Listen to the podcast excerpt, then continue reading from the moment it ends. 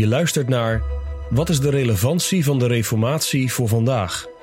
Een podcast van Geloofsterusting door dominee Henk van der Meld.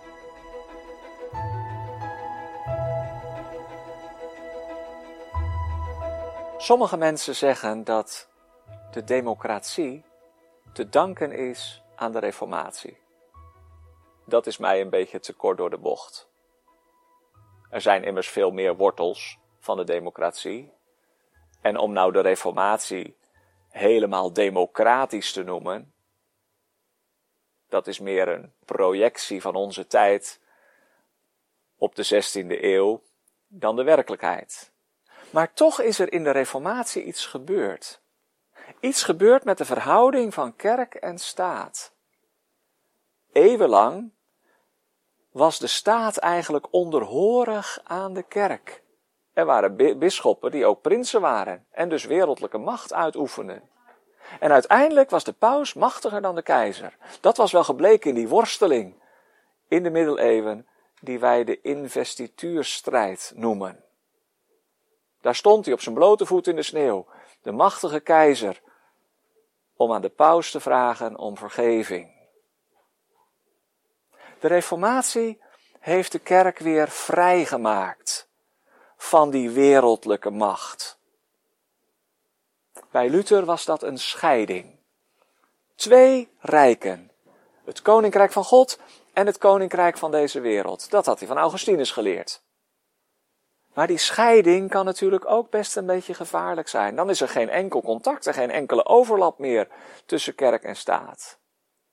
Johannes Calvijn heeft daar dieper over nagedacht. En gezegd dat zowel de kerk als de overheid uiteindelijk, als het goed is, onder het alles overkoepelende gezag van koning Jezus staan. Wel los van elkaar, maar samen onder de heerschappij van God. Daarmee maakte Calvijn de kerk vrij van de staat. De stadsraad van Genève gaat er niet over wie er wel en niet aan het avondmaal deel mogen nemen. Daar gaat de kerkenraad over. Andersom mag de kerk niet staan naar wereldse en wereldlijke macht. Het is een geestelijke macht die de kerk uitoefent. En ja, christenen moeten gehoorzaam zijn aan de overheid. Zo staat het ook in de Bijbel. Maar ze moeten altijd God meer gehoorzaam zijn dan de mensen. En laat die vorsten maar beven voor het oordeel van God. Zo schrijft hij in de institutie, al in de eerste editie van 1536, toen de institutie nog een heel dun boekje was. Uiteindelijk in 1559 uitgegroeid tot twee dikke banden in de Nederlandse vertaling. Maar al in die eerste editie van de institutie eindigt hij met een hoofdstuk over de wereldlijke overheid. Over de macht die God geeft aan de overheid. Maar ook over de overheid die uiteindelijk verantwoording schuldig is aan God. En over de roeping van mensen in een tussenlaag. Overheden die tussen het volk en de vorst instaan over hun roeping om tegen machtsmisbruik in te gaan.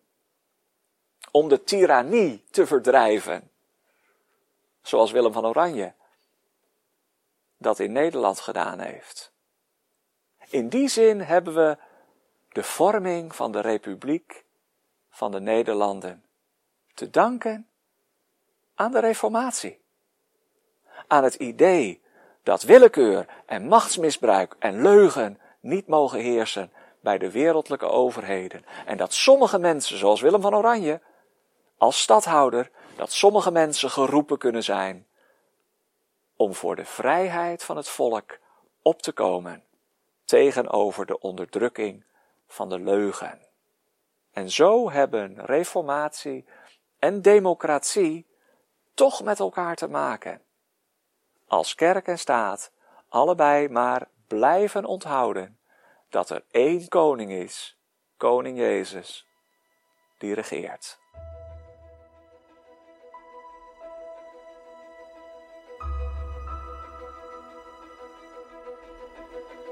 Je luisterde naar een podcast van Geloofsterusting.